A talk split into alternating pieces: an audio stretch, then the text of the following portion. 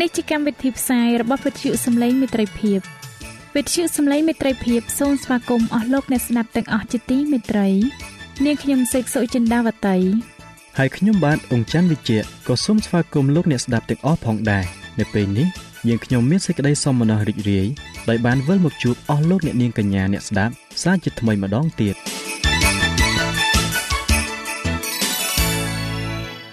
នាងខ្ញុំសេកសុចិន្តាវតី សូមជម្រាបជូនកម្មវិធីផ្សាយដែលមានជាបន្តបន្ទាប់ដូចតទៅ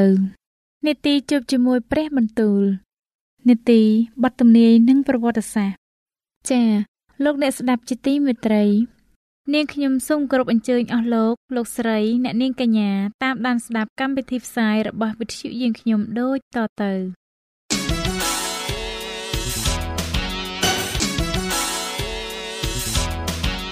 នេតិ ជួបជាមួយព្រះបន្ទូល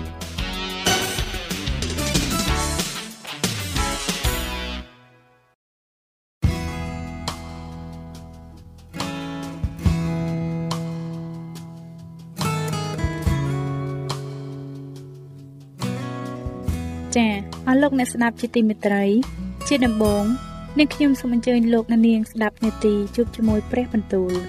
នេតិនេះនឹងលើកយកព្រះបន្ទូល ពីព្រះគម្ពីរយោបដែលនឹងជម្រាបជូនដល់លោកអង្ចាន់វិជ្ជៈដូចតទៅ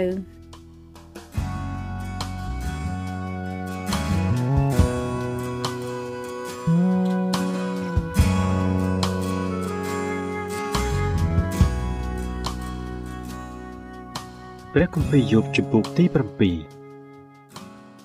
តើគ្មានពេលកែងមនុស្សដែលនៅផែនដីទេឬ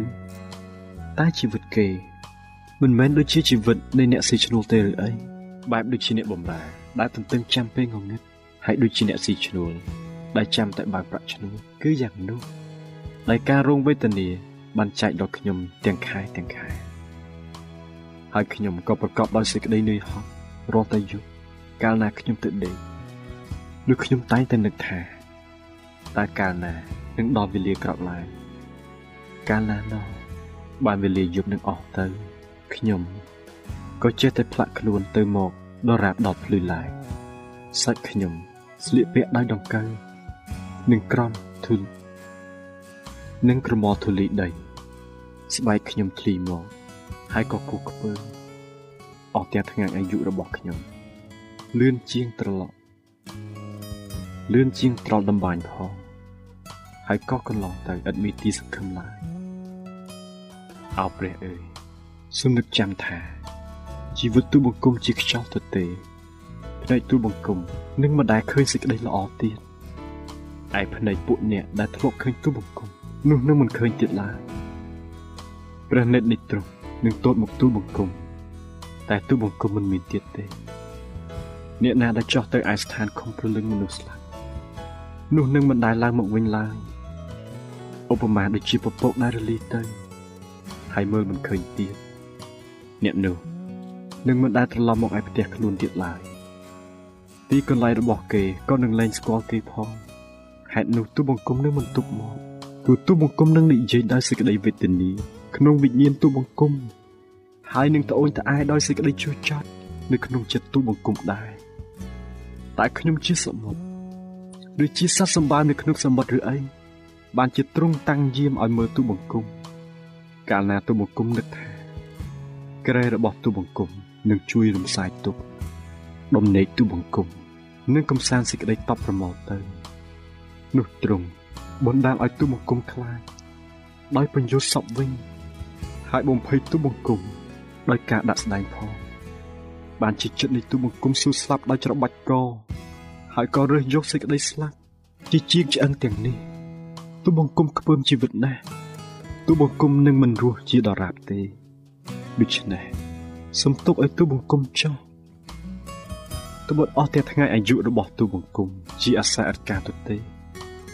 តើមនុស្សជាអ្វីដែលទ្រង់នឹងរវល់ដល់គេ ហើយតាំងប្រហារតីនឹកពីគេព្រមទាំងមកសួរគេរាល់តែព្រឹកហើយលបងលើគេរាល់វេលាដូច្នេះតើដល់កាលណាទើបទ្រង់បែបប្រណិតចេញពីទូបង្គំហើយមិនទុកទូបង្គំតែឯងលមុំតែឲ្យលើទឹកមាត់បានផង អោព្រះដ៏ចាំយាមមនុស្សអើយបើទូបង្គំបានធ្វើបាបនោះតើទូបង្គំត្រូវធ្វើអ្វីដល់ទ្រង់ហេតុអ្វីបានជាទ្រង់បានដាក់ទូបង្គំទុកដូចជាទីបាញ់គង់របស់ទ្រង់ដល់ម្លេះបានជាទូបង្គំជាបន្ទុកធ្ងន់ដល់ខ្លួនទូបង្គំផងហេតុអ្វីបានជាទ្រង់មិនអត់ទោសចំពោះសេចក្តីរំលងរបស់ទូបង្គំហើយដោះសេចក្តីទុច្ចរិតរបស់ទូបង្គំចេញបើទូបង្គំ នឹងដេកទៅក្នុងទលេដីឥឡូវនោះទ្រង់នឹងស្វែងរកទូបង្គំតែទូបង្គំមិនមានទៀតទេ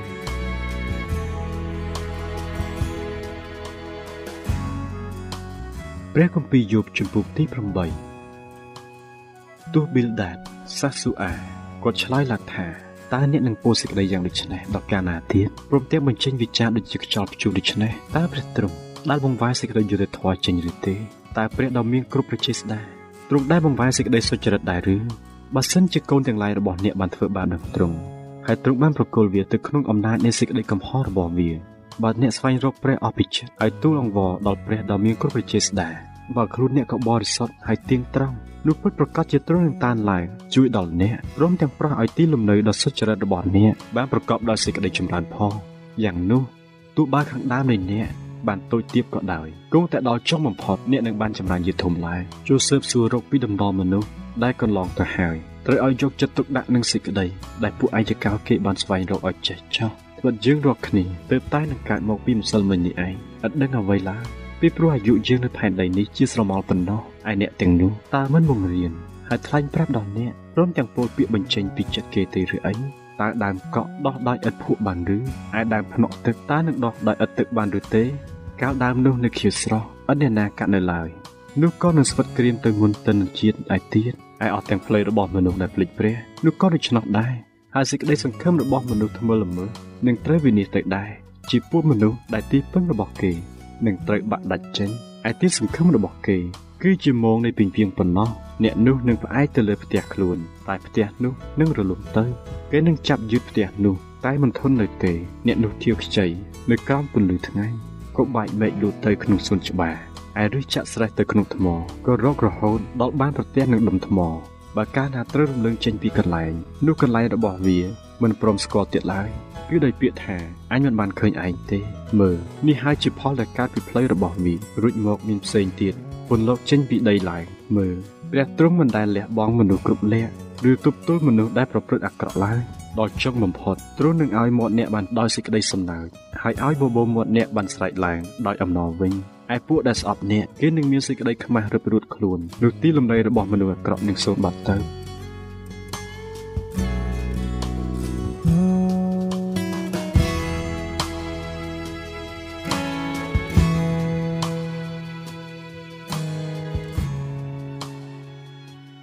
ចា៎ ប្រិយមិត្តអ្នកស្ដាប់ជាទីមេត្រី ដោយពេលវេលាមានកំណត់ យើងខ្ញុំសូមផ្អាកនេតិជប់ជាមួយព្រឹបបន្ទូលនេះត្រឹមតែប៉ុណ្ណេះសិនចុះដោយសន្យាថានឹងលើកយកនីតិនេះមកជម្រាបជូនជាបន្តទៀតនៅថ្ងៃច័ន្ទសប្តាហ៍ក្រោយ សូមអរគុណ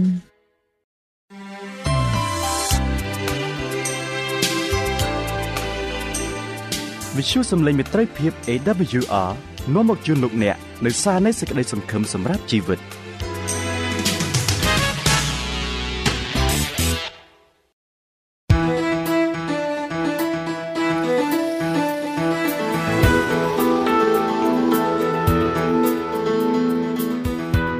សូមជូននីតិបទទំនាយនិងប្រវត្តិសាស្ត្រ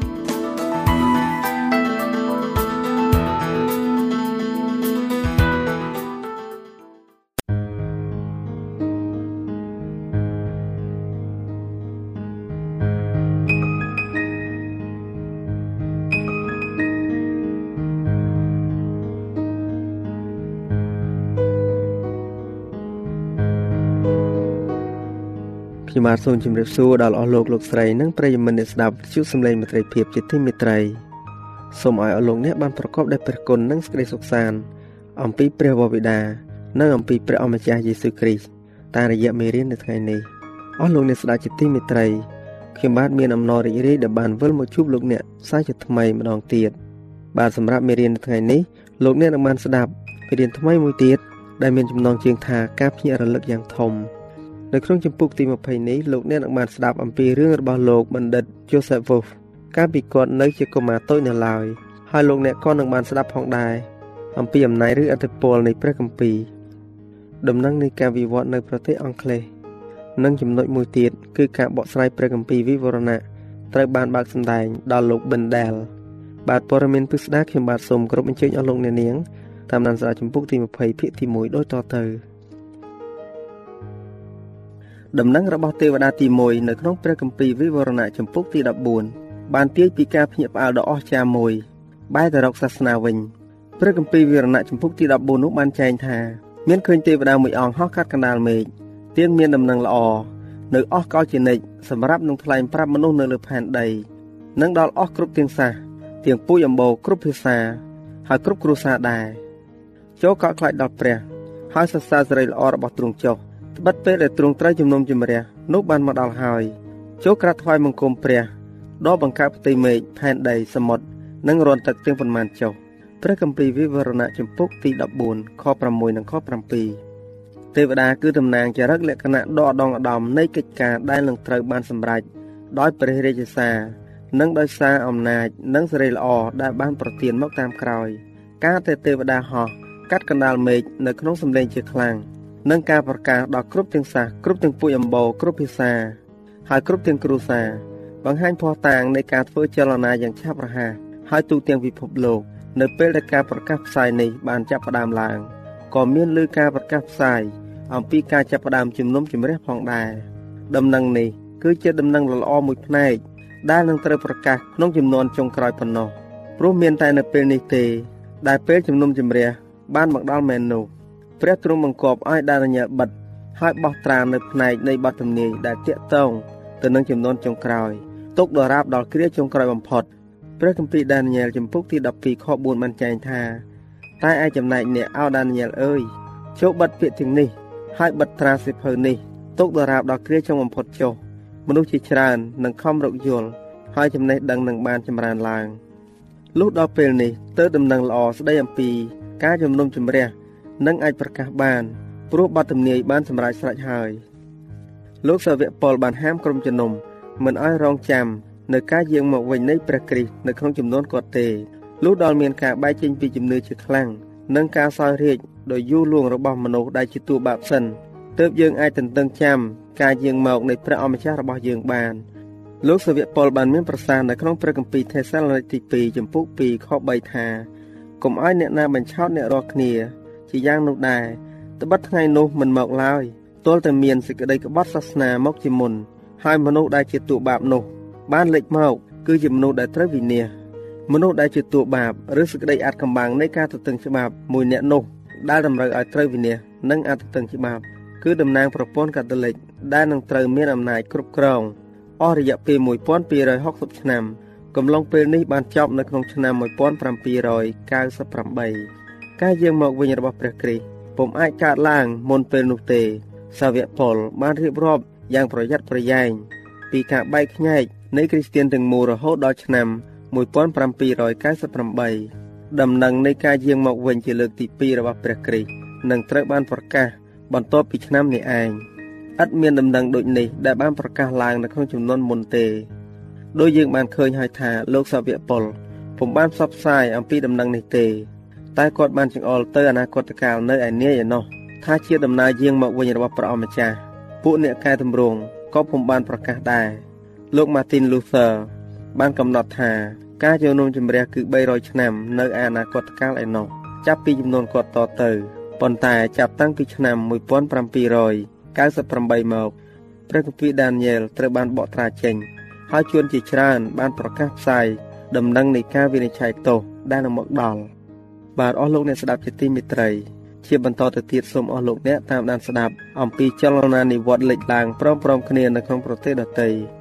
ដូចជាកំណែតម្រង់នៃសតវត្សទី16ដែរចលនានិវត្តន៍បានលេចឡើងព្រមព្រំគ្នានៅក្នុងប្រទេសដទៃទៀតអ្នកមានជំនឿត្រូវបានគេនាំឲ្យសិក្សាបទទំនាយហើយឃើញនៅភ័ស្តុតាងយ៉ាងច្បាស់ថាទីបញ្ចប់គឺជិតដល់ហើយដោយសារតែការសិក្សាបទកម្ពីក្រុមគ្រីស្ទៀនដែលនៅដាច់ដライពីគេ ក៏បានជឿថាការយាងមករបស់ព្រះអង្គសង្គ្រោះគឺជិតដល់ហើយដែរ3ឆ្នាំបន្ទាប់ពីលោក William Miller បានបកស្រាយបទទំនាយរបស់គាត់មកបណ្ឌិត Joseph Wolf ដែលជាបេសកជននៃពិភពលោកក៏បានចាប់ផ្ដើមប្រកាសពីការយាងមកនៅពេលបន្តិចទៀតរបស់ព្រះអម្ចាស់ដែរលោកបានកើតនៅក្នុងប្រទេសអាល្លឺម៉ង់មានឪពុកម្ដាយជាសាសហេប្រឺកាលគាត់នៅតូចគាត់បានជឿច្បាស់នៅសេចក្តីពិតនៃសាសនាព្រះគ្រីស្ទ គាត់ចូលចិត្តស្ដាប់ការសន្ទនានៅក្នុងផ្ទះរបស់ឪពុកគាត់ នៅពេលដែលពួកសាសហេប្រឺដែលជឿសុបជួបជុំគ្នា ដើម្បីដំណើរពីសេចក្តីសង្ឃឹមនៃប្រជាជនខ្លួន ពីសេរីល្អនៃព្រះមេស៊ីដែលកំពុងតែយាងមកនិងអំពីការកំណែលម្អឡើងវិញនៃប្រទេសអ៊ីស្រាអែលថ្ងៃមួយនៅពេលដែលកុមារយើងឮគេពោលពីព្រះយេស៊ូវនៃស្រុកណាសារ៉េតក៏សួរថាទ្រង់ជានរណាចម្លើយក៏ឆ្លើយថា ជាសាសយូដាដ៏មានអំណោយទានយ៉ាងខ្លាំងដ៏អស្ចារ្យម្នាក់ប៉ុន្តែនៅពេលដែលទ្រង់ធ្វើពុតជាព្រះមេស៊ីស្លាកាត់ក្តីរបស់សាសយូដាក៏កាត់ទោសទ្រង់ឲ្យស្លាប់កុមារក៏សួរបន្ថែមថាហេតុអ្វីហេតុអ្វីបានជាក្រុងយេរូសាឡឹមត្រូវហិនហោចហើយហេតុអ្វីបានជាយើងស្ថិតនៅក្នុងភាពជាឆ្លើយដូច្នេះឪពុកគាត់ក៏ឆ្លើយអោកូនអើយពីព្រោះពួកយូដាបានសម្លាប់ហោរាទាំងឡាយណាកូនគំនិតមួយក៏បានលេចឡើងភ្លាមដល់កុមារថា ប្រហែលជាព្រះយេស៊ូវជាហោរាដែរទេដឹង ហើយពួកយូដាបានសម្លាប់ទ្រង់ដែលគ្មានទោសសោះទោះជាគេហាមដាច់ខាតមិនឲ្យចូលក្នុងព្រះវិហារគ្រីស្ទៀនក៏ដោយកុមារតែងតែលួចស្ដាប់ការអធិប្បាយពីខាងក្រៅពេលមានអាយុត្រឹមតែ7ឆ្នាំប៉ុណ្ណោះកុមារបានអួតអាង ដល់អ្នកគ្រីស្ទៀនដែលជាអ្នកជិតខាងម្នាក់ពីជាជំនះនាពេលអនាគតរបស់ប្រទេសអ៊ីស្រាអែលនៅពេលដែលព្រះមេស៊ីយាងមកវិញព្រឹទ្ធាចារ្យក៏តបមកវិញដោយស្រទន់ថាចៅអើយ តានឹងប្រាប់ចៅឯងថានរណាជាព្រះមេស៊ីពិតនោះទ្រង់ជាព្រះយេស៊ូវនៃស្រុកណាសារ៉េតដែលដូនតាឯងបានឆ្កាងណាចៅចូលទៅផ្ទះហើយអានគម្ពីរអេសាយចំពុកទី53ទៅនោះឯងនឹងជឿច្បាស់ថាព្រះយេស៊ូវគ្រីស្ទគឺជាព្រះបុត្រារបស់ព្រះហើយកុមារក៏បានត្រឡប់ទៅផ្ទះហើយអានបទគម្ពីរឃើញថាព្រះយេស៊ូវនៃស្រុកណាសារ៉េតបានសម្រេចបទទំនាយយ៉ាងឥតខ្ចោះតើពាក្យពេចន៍នៃពួកគ្រីស្ទៀនទាំងឡាយនោះពិតឬ កុមារបានសួរឪពុកឲ្យបញ្យល់ពីបទទំនាយប៉ុន្តែបានជួបប្រទះនឹងសេចក្តីស្ងប់ស្ងាត់បែបមិនសូវស្រួលទៅវិញប្រុសតូចក៏លែងហ៊ានលើកសម្ដៅទៅរឿងនោះទៀតតាំងពីពេលនោះមកនៅពេលដែលអាយុបានដល់11ឆ្នាំកុមារបានចេញពីសម្បុកទៅក្នុងលោកខាងក្រៅទៅរៀនសូត្រដើម្បីជ្រើសរើសសាសនានិងកិច្ចការប្រចាំជីវិតរបស់ខ្លួន មានតែខ្លួនមួយហើយឥតប្រកាសមួយរៀលសោះកុមារតូចត្រូវតែពុះពៀគាត់បានសិក្សាដោយយកចិត្តទុកដាក់ ហើយចិញ្ចឹមជីវិតដោយបង្រៀនភាសាហេប្រឺគាត់ក៏បានជឿជំនឿកាតូលិករ៉ូមហើយក៏បានទៅបន្តការសិក្សានៅមហាវិទ្យាល័យឃោសនាការនៅទីក្រុងរ៉ូមនៅទីនោះគាត់បានចោទប្រកាន់ដល់សេចក្តីរំលោភនៃព្រះវិហារហើយទទូចឲ្យមានការកំណែតម្រង់មិនយូរប៉ុន្មានគេក៏ដកគាត់ចេញហើយថាគាត់នឹងមិនចុះចូលដល់ចំណងនៃលទ្ធិរ៉ូមនិយមជាដាច់ខាត គេបានប្រកាសថាគាត់ជាមនុស្សកែច្នៃលែងបានទៅហើយហើយទៅណាស្រេចតែទំនឹងចិត្តខ្លួនចុះ គាត់ក៏បានចាក់ចេញទៅប្រទេសអង់គ្លេសហើយចូលរួមជាមួយព្រះវិហារអង់គ្លេសបន្ទាប់ពីបានសិក្សា2ឆ្នាំហើយគាត់ក៏បានចេញទៅធ្វើបេសកកម្មនៅក្នុងឆ្នាំ1821លោកយូសាវូហ្វបានឃើញថាបទទំនាយទាំងឡាយបើកសម្ដែងអំពីដំណើរយាងមកជាលើកទី2របស់ព្រះគ្រីស្ទដោយអំណាចនិងសេចក្តីរុងរឿងកាលគាត់ស្វះស្វែងដឹកនាំប្រជាជនរបស់គាត់ឲ្យស្គាល់ព្រះយេស៊ូវនៅស្រុកណាសារ៉េតថាជាព្រះតាមសេចក្តីសន្យា ដើម្បីបង្ហាញពួកគេអំពីដំណើរយាងមកជាលើកទី1ថាជាយ៉ាញ់បូជាលុះបាបនោះគាត់ក៏បានបង្ហាត់បង្រៀនពួកគេពីការយាងមកជាលើកទី2ផងដែរលោកជូសេវូបានជឿថាការយាងមកនៃព្រះអម្ចាស់គឺជាដល់ហើយការបកស្រាយកំឡុងពេលនៃបទទំនាយរបស់គាត់គឺខុសគ្នាតែ2 3ឆ្នាំទៅនឹងពេលវេលាដែលលោក William Miller បានទូទាត់ប៉ុណ្ណោះតើព្រះអម្ចាស់របស់យើងមិនប្រទានទីសម្គាល់នៃពេលវេលា ប្រយោជន៍ឲ្យយើងដឹង យ៉ាងហោចណាស់ពីការដែលទ្រង់យាងមកដូចជាការដែលយើងដឹង អំពីដំណើរចូលខែប្រាំងឬពេលដើរលវារុះស្លឹកទេឬអីទីសម្គាល់នៅពេលវេលាអាចប្រាប់ឲ្យដឹងគ្រប់គ្រាន់ហើយ ដើម្បីទាក់ទាញយើងឲ្យរៀបចំ សម្រាប់ការយាងមករបស់ទ្រង់ដូចជាលោកណូអែរៀបចំទូកដូចនោះដែរបាទអស់លោកអ្នកស្ដាប់ជាទីមេត្រីចាប់ពីឆ្នាំ1821រហូតដល់ឆ្នាំ1845លោកជូសេវូសបានធ្វើដំណើរ នៅក្នុងប្រទេសអេស៊ីបប្រទេសអាប៊ីស្នីប្រទេសប៉ាឡេស្ទីនសេរីពើស៊ីបូខារ៉ាឥណ្ឌានិងសហរដ្ឋអាមេរិកលោកបណ្ឌិត Joseph Wolf បានធ្វើដំណើរនៅក្នុងប្រទេសភាគច្រើនដែលសម្បូរគ្រោះថ្នាក់ដោយគ្មានអ្វីការពារខ្លួនសោះដោយស៊ូទ្រាំទៅនឹងភាពលំបាកនិងគ្រោះថ្នាក់យីយីរាប់មិនអស់គាត់បានអត់ឃ្លានត្រូវគេយកទៅលក់ជាខ្ញុំបញ្ជាគេ គេកាត់ទោសដល់ស្លាប់3ដងត្រូវបៀតបៀនដោយពួកចៅហើយជួនកាលស្ទើរតែនឹងស្លាប់ ដោយដំរីទៀតផង មានម្ដងនោះ គេបានសម្រាតគាត់ឲ្យដើររាប់រយគីឡូម៉ែត្រដោយជើងទទេកាត់ព្រៃភ្នំ មានតកកធ្លាក់ជះលើមុខគាត់ហើយបាតជើងទទេក៏ស្ពឹកដោយដីដ៏ត្រជាក់ស្រឹបនៅពេលដែលគេហាមមិនឲ្យចេញដំណើរនៅក្នុងចំណោមពួកកុលសម្ព័ន្ធកាយសាហាវដោយឥតមានអ្វីការពារខ្លួនគាត់បានពោលថាគាត់បានប្រដាប់សភាវុធគ្រប់គ្រាន់នៅក្នុងខ្លួនហើយគឺសេចក្តីអធិដ្ឋានសេចក្តីមោះមុតសម្រាប់ព្រះគ្រីស្ទ និងទំនុកចិត្តនៅក្នុងជំនួយរបស់ទ្រង់ខ្ញុំក៏ប្រដាប់ដោយសេចក្តីស្រឡាញ់របស់ព្រះ និងរបស់អ្នកចិត្តខាងរបស់ខ្ញុំ នៅក្នុងចិត្តខ្ញុំហើយព្រះគម្ពីរនៅក្នុងដៃខ្ញុំខ្ញុំមានអារម្មណ៍ថាអំណាចរបស់ខ្ញុំ គឺនៅក្នុងសិភៅហើយអតិពលរបស់សិភៅនោះនឹងត្រូវទ្រង់ខ្ញុំគាត់បានតស៊ូរហូតដល់ដំណឹងបាននាំទៅដល់ទឹកដីជាច្រើនគាត់បានចែកចាយព្រះបន្ទូលរបស់ព្រះជាភាសាដទៃនៅក្នុងចំណោមពួកយូដាពួកទូគី ពួកផាស៊ីពួកព្រហ្មាញ់និងជាសាសដទៃទៀតហើយនៅគ្រប់ទីកន្លែងគាត់បានផ្សព្វផ្សាយពីការយាងមកវិញ ជាឆាប់របស់ព្រះមេស៊ីនៅប្រទេសបុខារ៉ាគាត់បានឃើញប្រជាជន ដែលនៅដាច់ដライពីគេនេះការគោលលទ្ធិនៃការយាងមកដ៏ឆាប់ឆាប់នៃព្រះអម្ចាស់គាត់បានមានប្រសាសន៍ថា ពួកអារ៉ាប់នៃប្រទេសយេម៉ែនមានសភៅមួយឈ្មោះថាស៊ីរ៉ាដែលបានប្រាប់ពីការយាងមកជាលើកទី2របស់ព្រះគ្រីស្ទ និងការសោយរាជ្យនៅក្នុងភាពរុងរឿងហើយគេសង្ឃឹមថានឹងមានព្រឹត្តិការណ៍ដ៏អស្ចារ្យកើតឡើង នៅក្នុងឆ្នាំ1840ខ្ញុំឃើញកូនចៅអ៊ីស្រាអែលកូនចៅនៃកុលសម្ព័ន្ធរបស់ដែនដែលសង្ឃឹមរងចាំជាមួយនឹងកូនចៅរបស់រីឆាបនៅការយាងត្រឡប់មកវិញយ៉ាងឆាប់រហ័សនៃព្រះមេស៊ីនៅក្នុងពពកនៃនគរស្ថានសួគ៌បេសកជនម្នាក់បានរកឃើញអ្នកការជំនឿស្រដៀងគ្នានេះដែរនៅក្នុងប្រទេសថាថារី សងជួនជាតិថាថារីមួយអង្គបានសួរពីពេលវេលានៃព្រះគ្រីស្ទនឹងយាងមកជាលើកទី2នៅពេលដែលបេសកជន បានឆ្លើយថាគាត់ពុំដឹងពីពេលវេលានោះទេ សងក៏ភ្ញាក់ផ្អើលចំពោះអវិជ្ជានៃគ្រូគម្ពីរនេះហើយក៏ដំណើរពីរឿងរបស់ខ្លួនដែលស្ថិតនៅលើបទទំនាយថាព្រះគ្រីស្ទនឹងយាងមកប្រហែលក្នុងឆ្នាំ1844អស់លោកអ្នកដែលកំពុងតែស្ដាប់វិទ្យុសំឡេងមិត្តភាពជាទីមេត្រី បាទដំណើរនៃការយាងមកវិញត្រូវបានចាប់ផ្ដើមផ្សព្វផ្សាយនៅក្នុងប្រទេសអង់គ្លេសតាំងពីដើមឆ្នាំ1826មកម្លេះគេពុំបានបង្រៀនជាទូទៅអំពីពេលវេលាពិតប្រាកដនៃការយាងមកនោះទេប៉ុន្តែការពិតនៃការដែលព្រះគ្រីស្ទយាងមកជាឆាប់ដោយប្រជាស្ដារនិងសេចក្តីរុងរឿងនោះត្រូវបានប្រកាសផ្សាយយ៉ាងឱឡារិកអ្នកនិពន្ធអង់គ្លេសម្នាក់បានថ្លែងថាគ្រូគង្វាលរបស់ព្រះវិហារនៃប្រទេសអង់គ្លេសប្រហែល700នាក់ បានខ្នះខ្នែងក្នុងការផ្សាយដំណឹងល្អនេះដែលសម្ដែងពីនគរព្រះដំណឹងដែលចង្អុលទៅក្នុងឆ្នាំ1844ថាជាពេលវេលានៃការយាងមករបស់ព្រះគ្រីស្ទក៏ត្រូវបានផ្សាយនៅក្នុងចក្រភពរបស់ប្រទេសអង់គ្លេសដែរនៅក្នុងចក្រភពអង់គ្លេសដែរការបោះពុម្ពផ្សាយចេញពីសហរដ្ឋអាមេរិកអំពីការវិវត្តក៏ត្រូវបានចែកចាយពាសពេញផងដែរនៅក្នុងឆ្នាំ1842លោក Robert Winter ដែលជាសិស្សអង់គ្លេសម្នាក់ បានត្រឡប់ទៅមាតុប្រទេសរបស់ខ្លួនវិញ ដើម្បីផ្សាយអំពីការយាងមកនៃព្រះអម្ចាស់បន្ទាប់ពីគាត់បានទទួលជំនឿវិវត្តនៅប្រទេសអាមេរិកហើយមនុស្សជាច្រើនបានចូលរួមជាមួយនឹងគាត់នៅក្នុងកិច្ចការនេះនៅកន្លែងផ្សេងផ្សេងទៀតនៃប្រទេសអង់គ្លេសក្នុងប្រទេសអាមេរិកខាងត្បូងនៅរដ្ឋឡាខូនសា មានសាសអេស្ប៉ាញ៉ុលម្នាក់ដែលជាសមាជិកនៃក្រុមជេស៊ូតបានជឿដល់សេចក្តីពិតនៃការយាងមកវិញដ៏ឆាប់រហ័សនៃព្រះគ្រីស្ទ ដោយមានចំណងចង់គេចចេញពីការតេះដៀលរបស់រ៉ូមគាត់ក៏បានបោះពុម្ពសិភៅមួយដោយប្រើឈ្មោះคล้ายៗថារ៉ាប៊ីប៊ិនអេស្រា